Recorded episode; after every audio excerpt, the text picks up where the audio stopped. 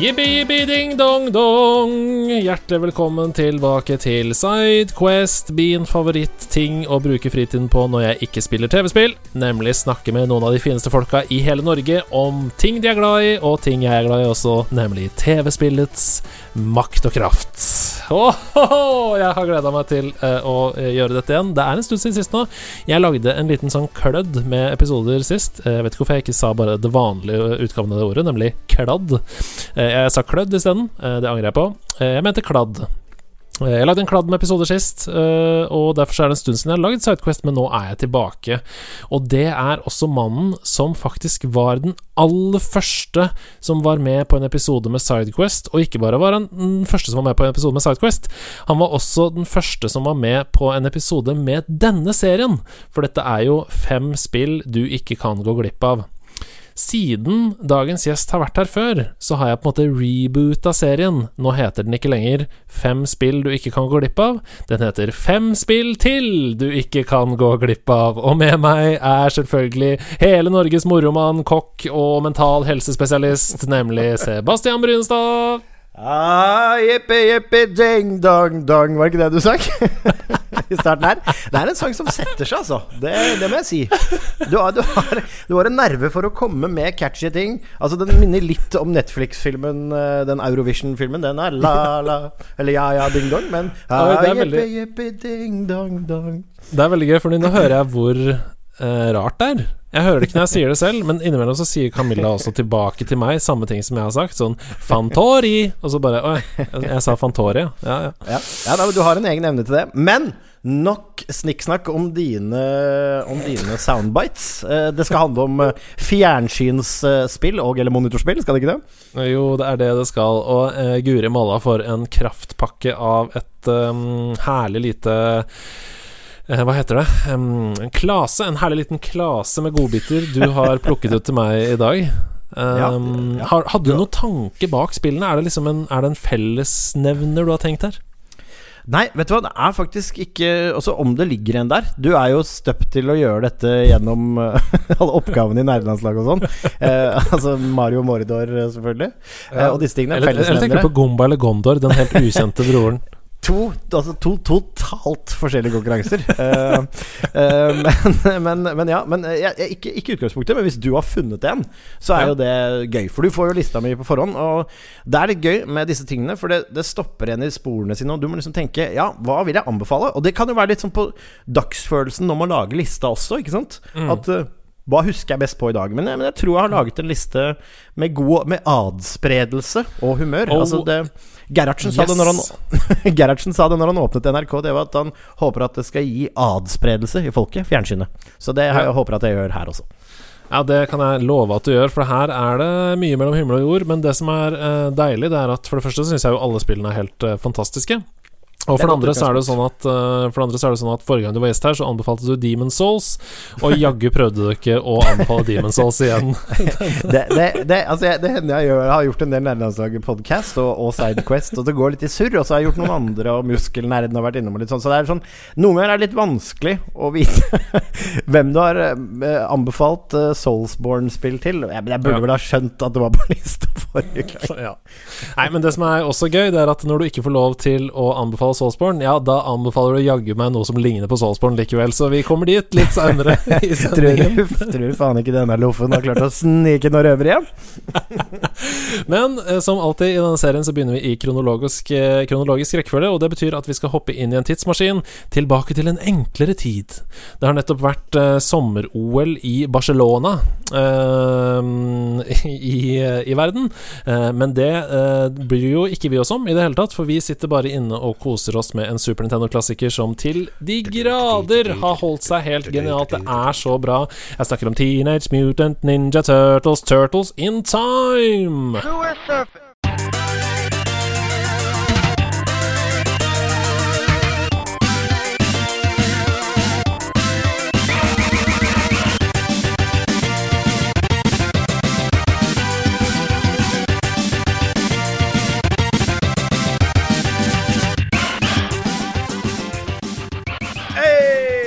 Teenage Mutant Ninja Turtles in Time. Eller bare Turtles in Time, da, som det heter. Ja, dette er jo uh, kanskje Eller ikke kanskje. Det er uh, nok mitt favorittspill på Super Nintendo. Uff, den er vanskelig å kaste ut uten å tenke seg godt om, men men det spillet, altså fantastisk. Du kunne spille co-op, du kunne spille eh, alene. En klassisk beat em up à la Streets of Rage. Eh, de fleste som liker gaming, har nok kanskje hatt et lite forhold til eh, Turtles in Time. Ehm, I hvert fall veldig mange. Og det var på en måte det ultimate spillet med venner-spillet, vil jeg si eh, om Turtles in Time. I tillegg til at det var Turtles, som jeg er og fortsatt den dag i dag blodfan av. Og det var nydelig grafikk, og kanskje en av de aller feteste soundtrackene i gaminghistorien. Det er jo helt uh, bananas eh, bra, det spillet. Og det var første gang jeg opplevde et spill som faktisk belønnet uh, spilleren for å spille med venner. Altså, spillet ble lett lettere å runde eh, jo flere du var. Så hvis du var, eh, syns jeg da hvert fall, hvis du var fire personer som spilte sammen, så var det eh, greiere å komme seg til siste boss. Og det eh, satte jeg veldig, veldig stor pris på. Uh, I tillegg så er jo dette med musikken, da, som du sier, helt insane. Jeg har soundtracket på vinyl til Turtles in Time, og når jeg smeller det på en lørdagsmorgen der, da er det god helg, og uh, ja, da trenger ikke jeg noen andre rusmidler for å holde meg uh, liv levende, for å si det sånn. Altså Det første, og dette kommer til å høres morbid ut, jeg banker i bordet, dette betyr ikke at jeg ønsker deg vondt, men det første jeg hadde kjøpt i dødsboloppemarkedet, Hedemann, det er den vinylen fra Turtles in Time, faktisk. Vet du hva? For det, der var jeg ikke på ballen, jeg klarte ikke å kjøpe den. Jeg skal si med en gang at hvis jeg dør før deg, så skal du få den. ah, fy faen Jeg skal, jeg skal testamentere altså, det bort til deg. Jeg håper at ingen dreper deg nå, for da kommer jeg til å bli så jævlig mistenkt! faen, altså. Nei.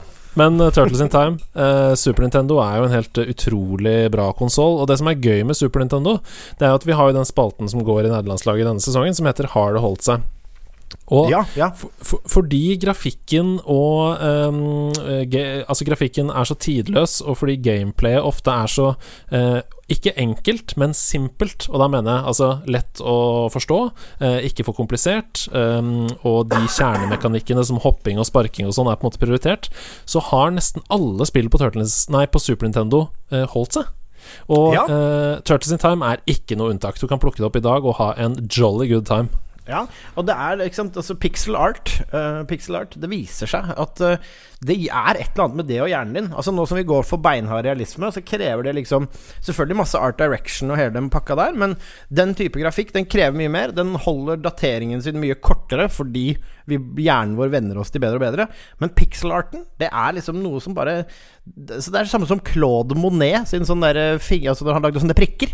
Du vet hva jeg mener? Ja, Ingen som kommer på museet og bare 'Det er utdatert, Claude! Vi har printer!' Altså, det er litt det samme. Uh, prikker. Nå er det streker. Nå er det streker, Claude. Nå er det kubismen som gjelder, Claude. Men, ja, ja. Uh, å, men, men, jeg er helt enig. Det er, det er enkelt. Det er beat them up. Uh, det er überkult, og som sagt eh, Noen burde bare reise hjem til Andreas Hedemann for å få han til å spille vinylen, eller bare gå på YouTube, det ligger der også, eh, i mm. høy kvalitet. Og det er faktisk et soundtrack jeg tar meg selv i å høre på av og til, fordi det er beinfett. Nå skal jeg si deg noe veldig gøy, eh, som du kanskje ikke vet, fordi du sikkert ikke har spilt alle de ulike versjonene, men på Snes så var det jo én um, bane som var helt eksklusiv, altså en level i Turtles in Time. Den var ikke noe mm. annet sted enn på Snes. Mm. Og det var altså eh, banen Technodrome, Let's Kick Shell. Oh, med andre ord shell. Med andre ord så finnes denne heissekvensen der hvor det kommer liksom ninjafiender ut fra venstre og høyre eh, mm. mens du tar denne heisen oppover, og pizzaene spåner sånn at du må spare på til health og sånn. Mm. Det fins kun på Super Nintendo. Å oh, jaså? Ja, ja. Er ikke det gøy?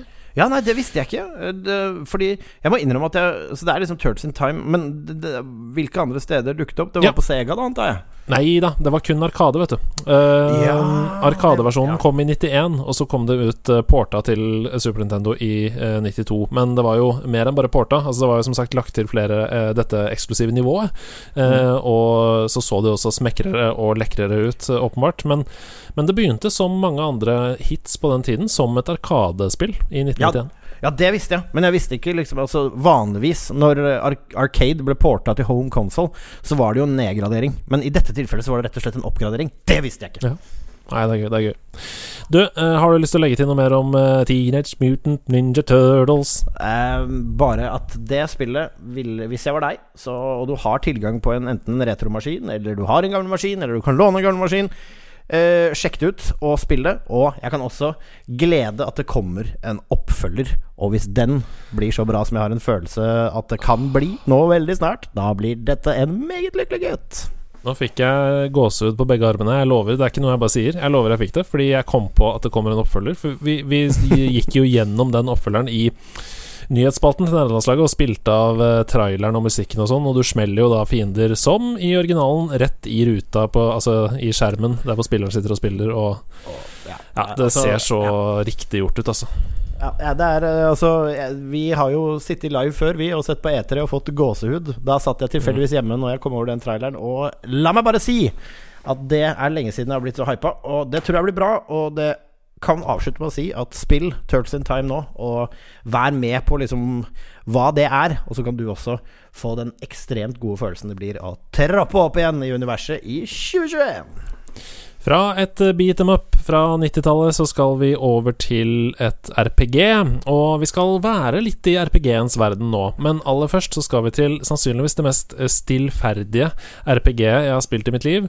Dette tok meg fullstendig på senga, fordi jeg visste at det var bra. Jeg visste at mange hadde anmeldt det til høye karakterer. Jeg visste at det sannsynligvis var et spill for meg, men at det skulle eh, ta meg så hardt eh, som dette spillet har gjort. Altså, eh, jeg kommer til å snakke mer om det i nederlandslaget. Dette spilles jo inn før ukas episode, men eh, jeg, jeg ser potensialet til et spill som er på vei inn på min topp fem all time-liste over spill. Det er det legendariske mesterverket fra oktober 2019, Disco Elysium.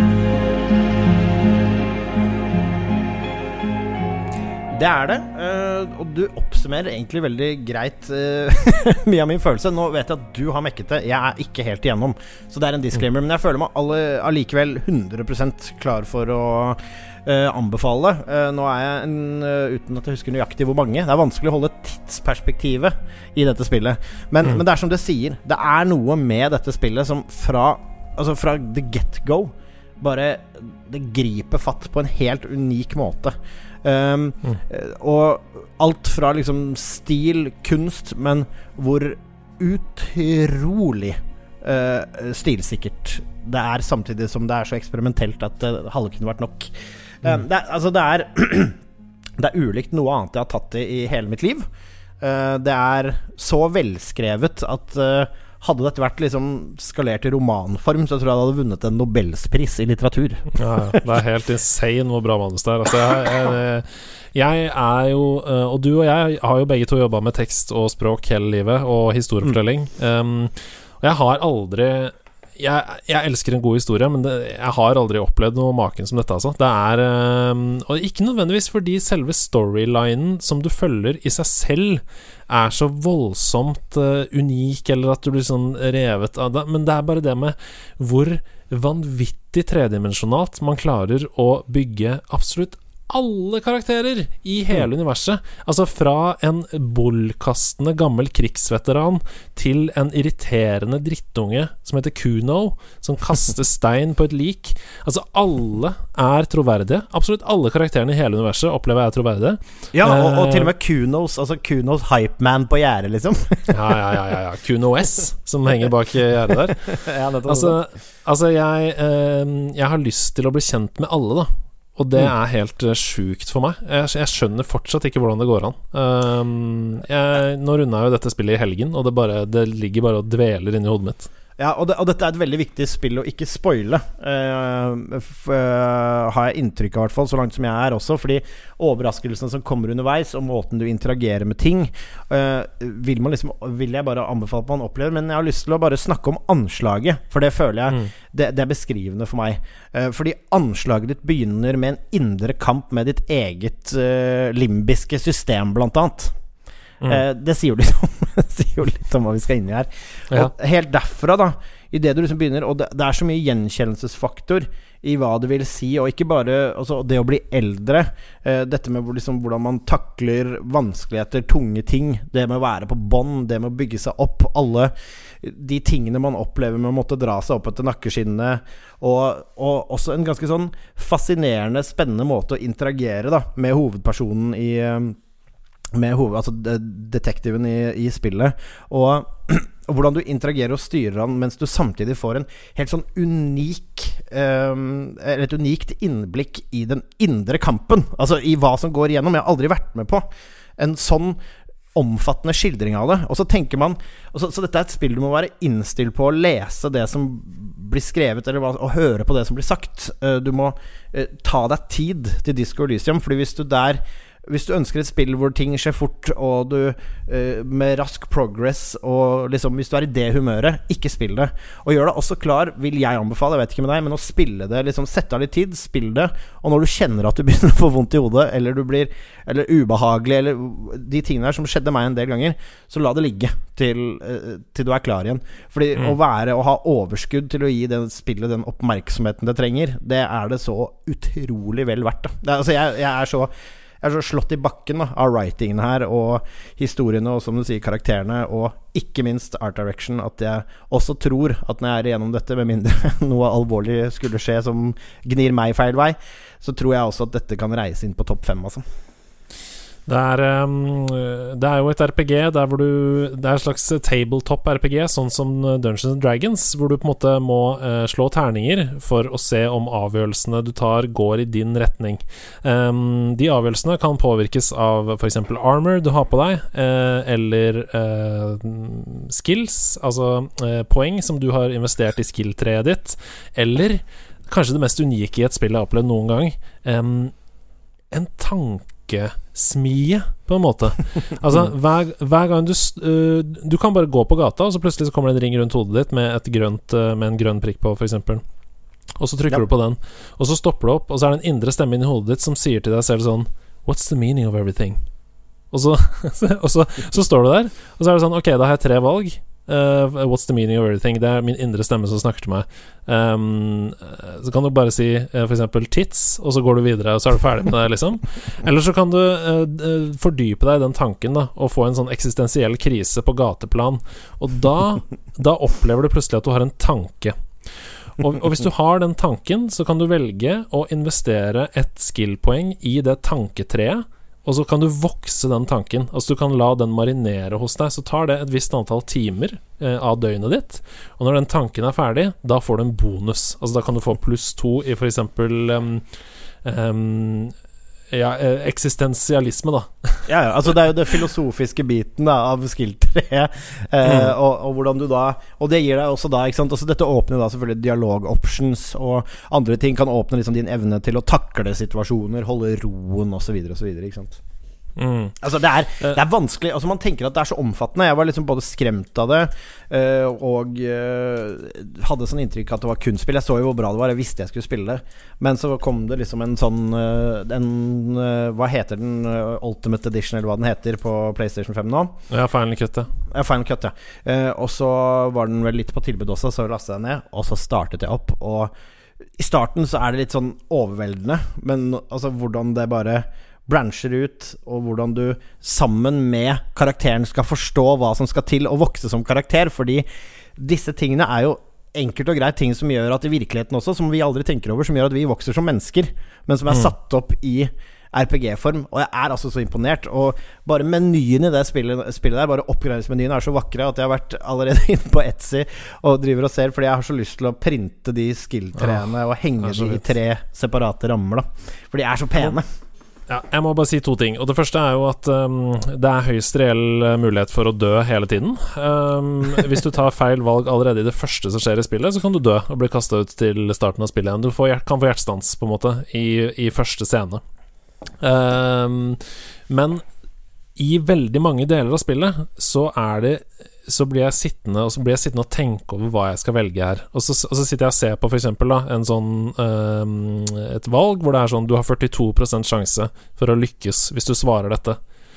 Og så tenker jeg sånn ah, 42% sjanse, 4 av 10, det er lite.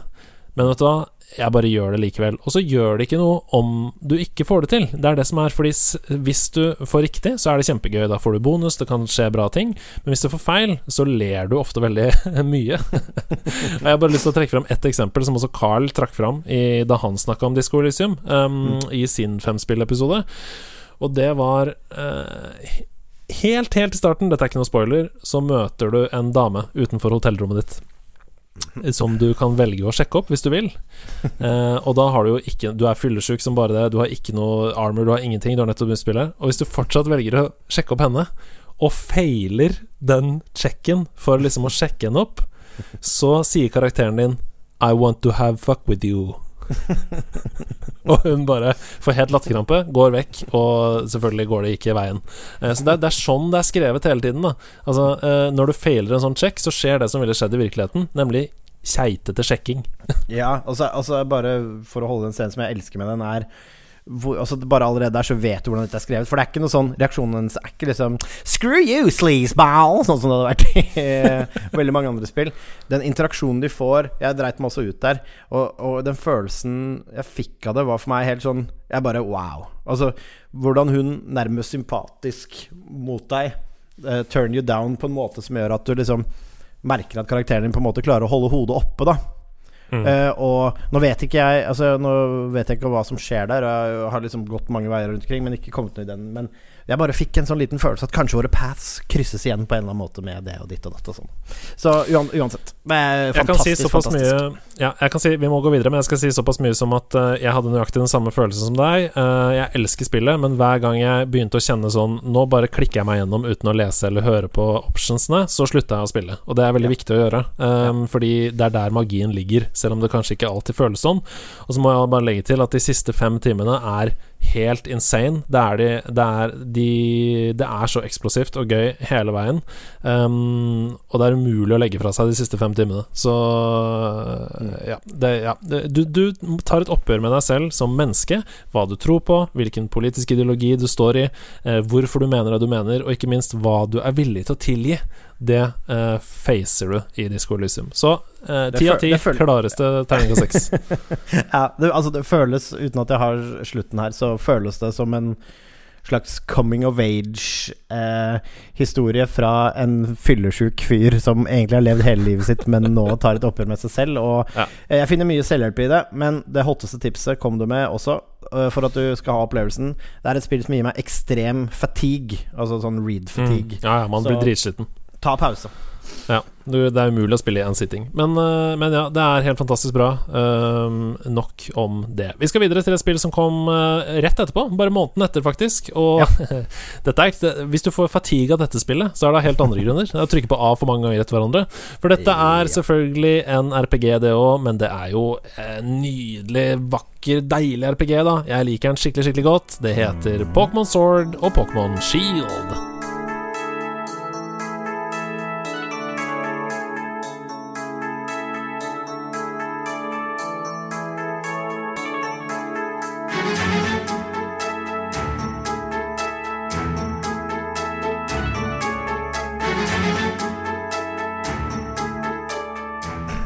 Er jo et spill som går i dybden av hvordan det er å snakke med sitt eget limbiske system. Nei, vet du hva det er? Det er rett og slett et spill om å reise ut i en ny region for å become the Pokémon Massa! catch them all, reise rundt. Og dette var et spill jeg begynte på. Kom til første Wilder eh, Area når det kom, og så hadde jeg rett og slett bare Det datt litt bakover for meg uh, etter en stund, fordi jeg ikke hadde tid. Men i påsken, Andreas, mm. så tok jeg det.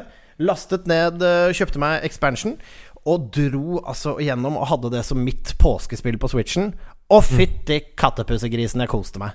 Dette er altså et Pokémon-spill som nå har open areas, og du kan se Pokémonene på bakken. Og det begynner å trekke seg inn mot det Pokémon-spillet vi alle drømmer om, nemlig en trippel av full 3D Skyrim eh, anno 2022 med Pokémon.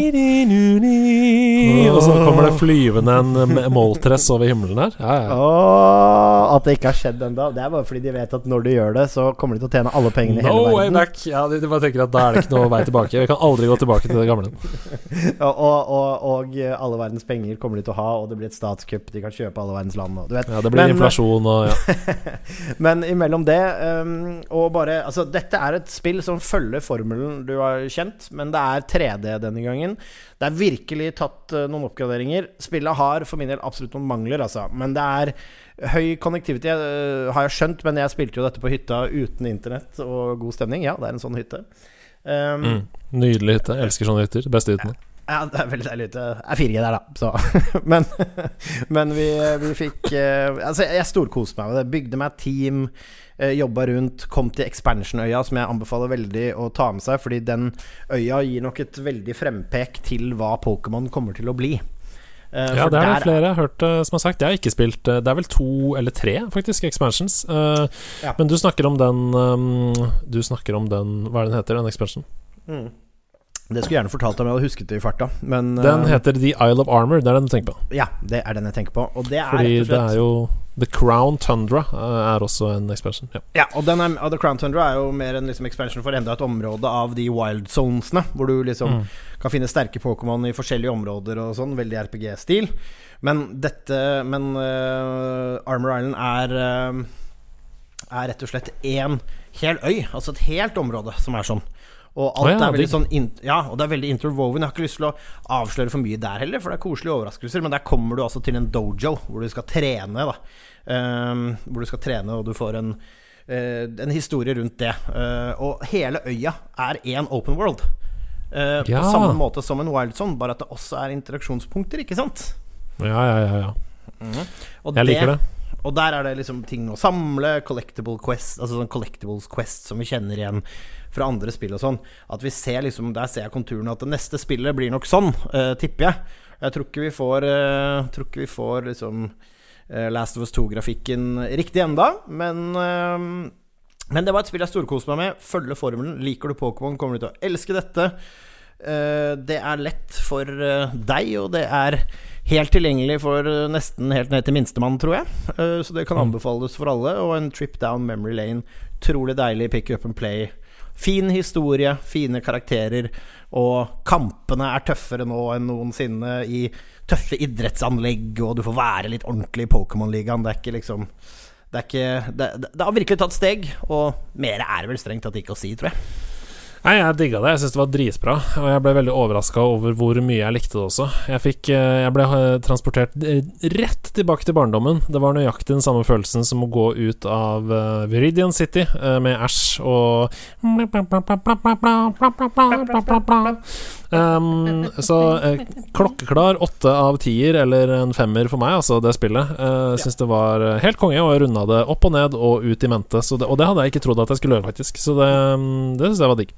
Ja, det, det, altså, det var en faktisk, Dere kan nevne om det. Det er en av de første gangene på lenge jeg liksom har tatt i et Pokémon-spill, og etter å ha vunnet, så hadde jeg faktisk et behov Altså igjen, som da jeg var kid, å dra ut og eksperimentere. For det var noen tråder jeg hadde lyst til å nøste opp i. Det var noen Pokémon jeg hadde sett som jeg ville ha. Og det er sjelden kost for en voksen mann. Fra et kosespill om å fange dem alle, til et spill som er um, en slags homasj til uh, en spillserie som du er veldig glad i, men står jo, uh, så vidt jeg har skjønt, fjellstøtt på egne bein. Og det som er gøy, er at jeg har uh, spilt alle spillene du har på lista di, men dette har jeg ikke rørt. Jeg er bare super, super nysgjerrig på det. Jeg så en IGN-anmeldelse før vi skulle spille inn denne podkasten, som varte i seks til ti minutter, um, og den var Ja, den trigga meg skikkelig til å plukke det opp, så du Sebastian, du skal få lov til å selge meg Mortal Shell.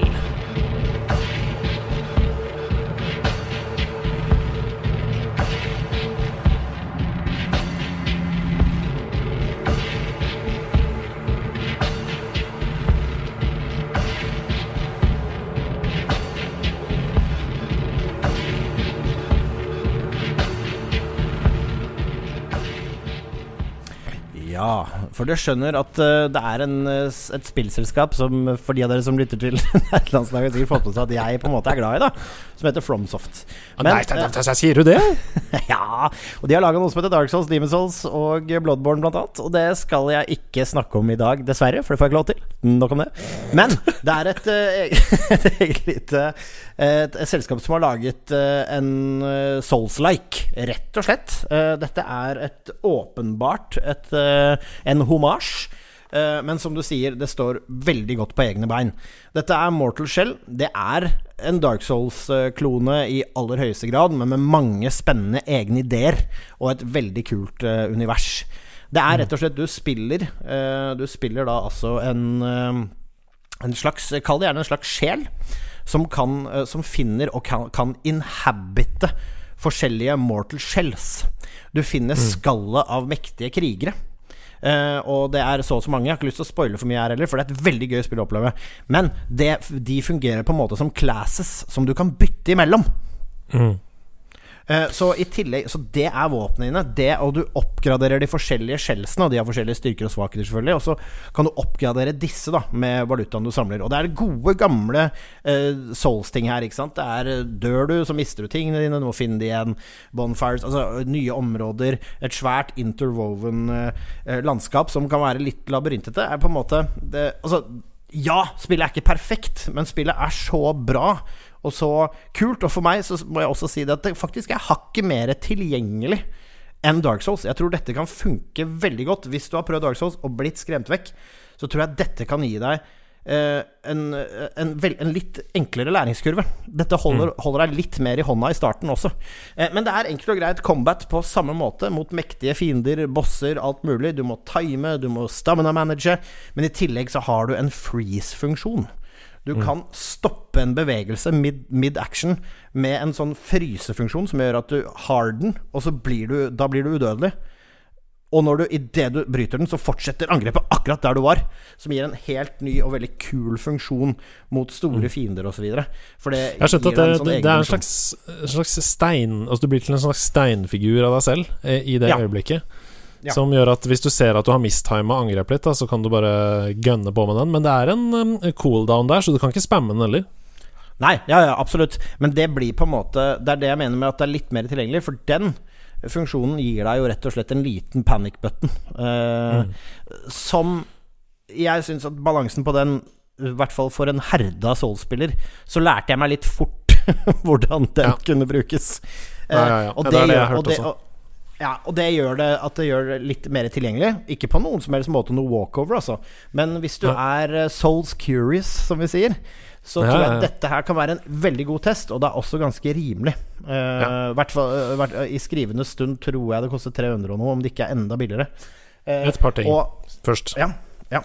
For det første så har det kommet i enhanced edition til PlayStation 5 og Xbox Series S og X, og det er jo en kjempegod nyhet, for det er jo ikke tross alt det største biblioteket på de konsollene, så hvis det ser litt next gen ut der, så er det helt konge. For det andre så liker jeg godt den derre um, Det er nesten Jeg kaller det nesten en Yoshi-funksjon. Fordi dette mortal-skjellet som du har, ikke sant Idet du får the final blow, så blir du på en måte kasta ut av det skjellet. Um, og hvis du da klarer å komme deg tilbake til skjellet og hoppe inn i det igjen, så får du fullt liv. Og det er jo en slags uh, digg sånn derre uh, Grunnen til at jeg kaller det Yoshi-funksjon, er jo nettopp det. Hvis du eh, spiller Super Mario World og blir tatt mens du er på Yoshi, så, så skvetter du av Yoshi, og så må du løpe tilbake til Yoshi for å få han tilbake igjen. Og da kan Yoshi være litt umulig, mens Mortal Share det blir der der. ja, ja, ja, ja, men, men, ja, men det er absolutt det. Og det er, det er, det er noen creature comforts her. Ikke sant? Mellom den funksjonen og harden og sånn, så er det jeg snakker om med tilgjengelighet. De har på en måte laget et uh, Soulsborne-spill for uh, Eh, som er bitte, bitte litt enklere. Altså en del enklere. Men fortsatt vanskelig. Gøy.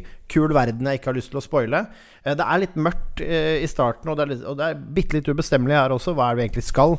Det er en kul historie, og den enhanced Er du så heldig at du har en PlayStation 5 eller en Xbox Series X, den enhanced version It works. Kortere loading-tider, smoothere deiligere lys Altså alt. Den, den, er ordentlig, ordentlig pen, men spillet er mm. absolutt ikke stygt på en Pro eller en vanlig PlayStation eller Xbox heller. Eh, så det anbefales eh, til folk som er, har lyst til å teste eh, et Souls-type spill.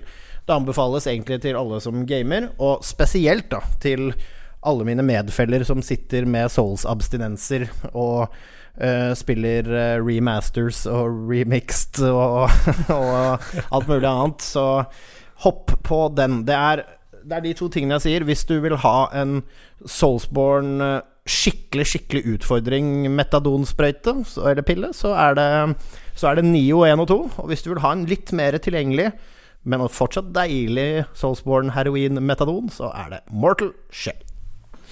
Deilig. Vi skal fra et spill som da prøver å være vanskelig, men kanskje blir lett etter hvert, til et spill som bare er drita vanskelig hele veien, og jeg hyller det nettopp for det. Det er eh, et spill som nok en gang tok meg helt vanvittig på senga. Jeg visste ikke om spillet engang før en uke før det kom, eh, og nå spiller jeg det hele tiden. Jeg tenker på det hele tiden. Nå er jeg ferdig med Disco Elysium, og nå er det dette jeg spiller eh, utelukkende. Fy fela, så gøy det er. Uh, og fy søren så mye hun ligner på hun Brienne fra uh, Game of Thrones. Jeg snakker selvfølgelig om Housemark sitt legendariske PlayStation 5-eksklusive spill Returnal.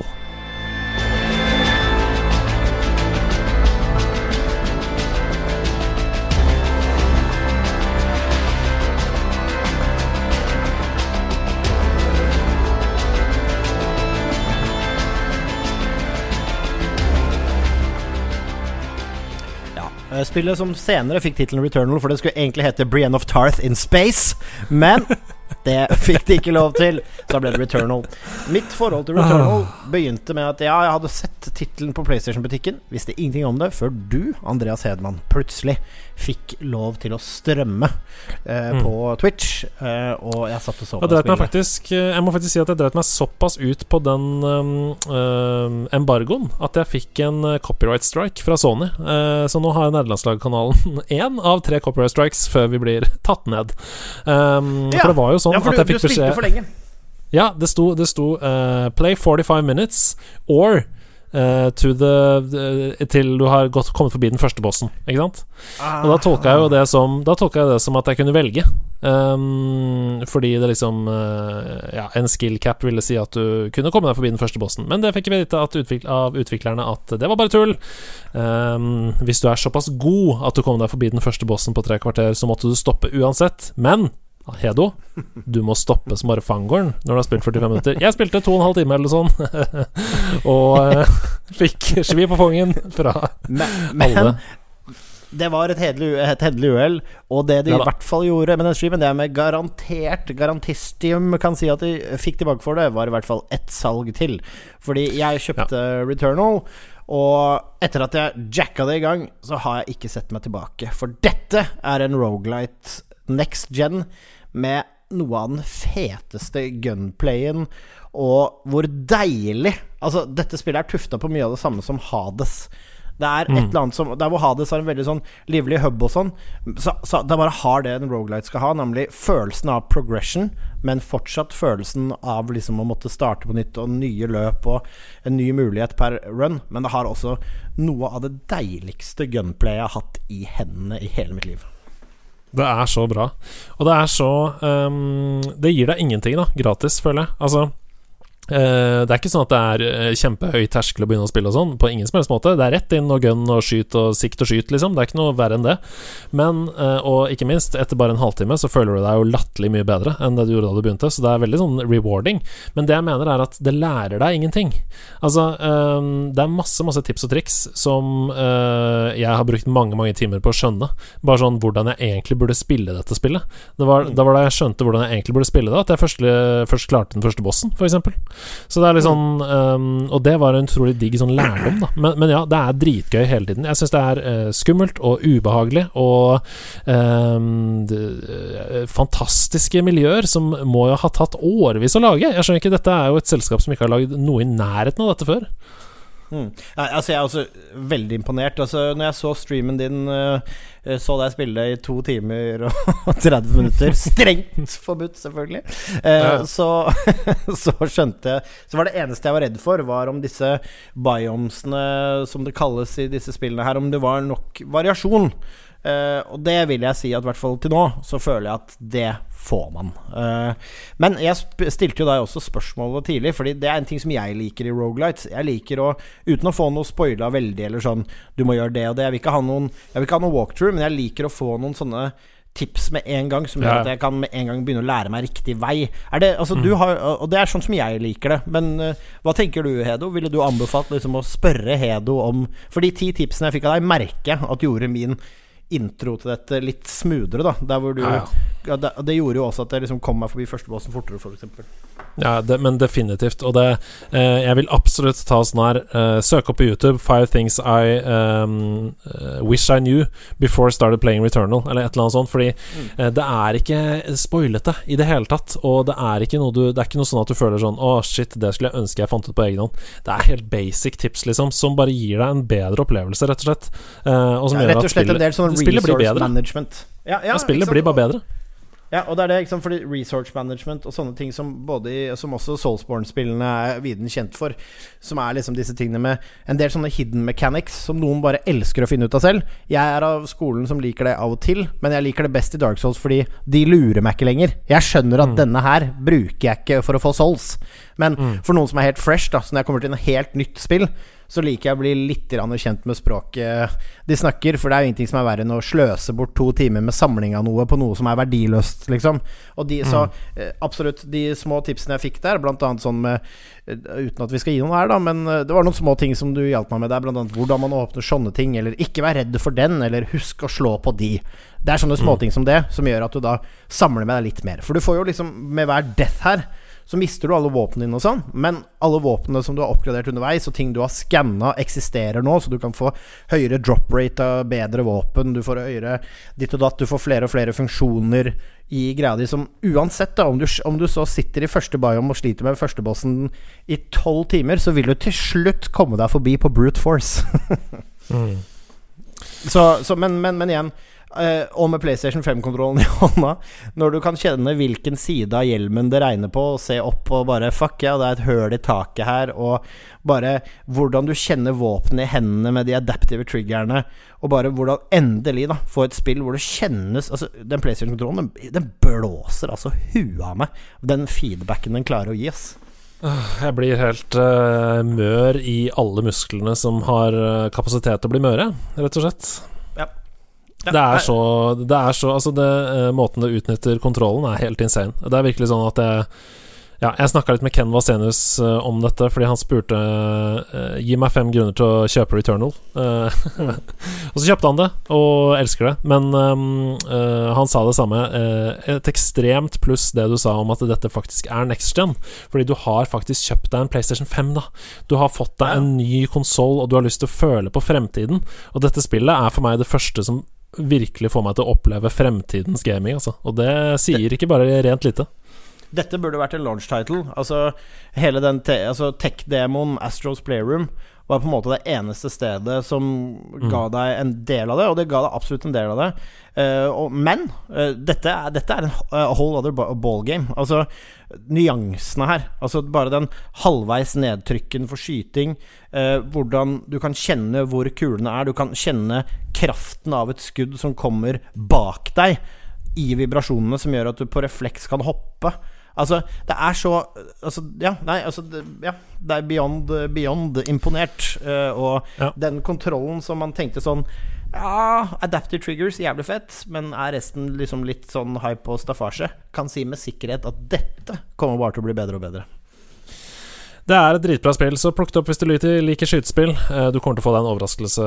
Det er deilig at det går fort, og alt er gøy. Og alt er bare gøy. Uh, Og, og det er litt skummelt. Det er, det, sorry, det er litt skummelt, det er litt skummelt men ikke la deg skremme av det, fordi du får kontroll etter hvert. Og eh, det skumle er Det er mer koselig skummelt enn superskummelt når du får grooven. Dessuten er områdene med noen få unntak veldig lett å bare stikke ut av eh, døra igjen, hvis du føler sånn Ok, dette, nå må jeg få litt på avstand. Så eh, ikke, ikke vær redd. Eh, jeg er en reddhare, og jeg syns ikke det gjør noen ting, så da tåler du det. Um, Du var modig de to, to timene. Sorry, jeg, nå avbrøt jeg igjen, men du var veldig modig de to timene du streama ulovlig. For jeg så at dette var litt skummelt. Jeg kunne liksom Streama ulovlig! Hvis du jeg lasta ned Returnal for å streame det. Når du gikk på, når du gikk på Pirate Bay og skaffet deg Returnal, uh, og bare spilte og spilte som den crazy plagiatrøveren. Men nei, men altså, det, jeg, var, jeg, var, jeg var imponert uh, over at Ja. du, du, du tok det i steget, og du så ikke redd ut et sekund. Nei, det er noe annet når det er 100 og, S, eh, 100 og noen folk som sitter og ser på. Da føler du at du må steppe opp. Men uansett, nå har vi babla for lenge. Eh, tusen takk for at du tok med deg fem spill til. Som du hadde Ja. lyst til at folk skulle spille gjennom. Du er den første, altså, som er da i denne nye eh, slags 2.0-versjonen av Femspillserien. um, egentlig bare en fancy måte å si velkommen tilbake. Um, så ja. Jeg vet jo Altså, at du har spilt flere enn ti spill i livet òg, så det kan godt hende at du, kan, du kommer tilbake med fem, fem, fem nye spill til. Eh, Kanskje du er den neste serien. Jeg stiller opp, og jeg setter pris på at istedenfor å si 'velkommen tilbake', så syns jeg det er mye hyggelig at du kaller meg en slags pioner. Da føler jeg meg som de portugisiske sjøfarerne. da, vet du. Ja, det er hyggelig. Vi høres igjen neste uke. Da skal vi snakke om et lite selskap som du er glad i. Um, tusen takk for at du hører på. Tusen takk for at du støtter oss på Patrion. Um, vi snakkes snart igjen. Ha det bra! Du må også si ha det, Sebastian. Ha det!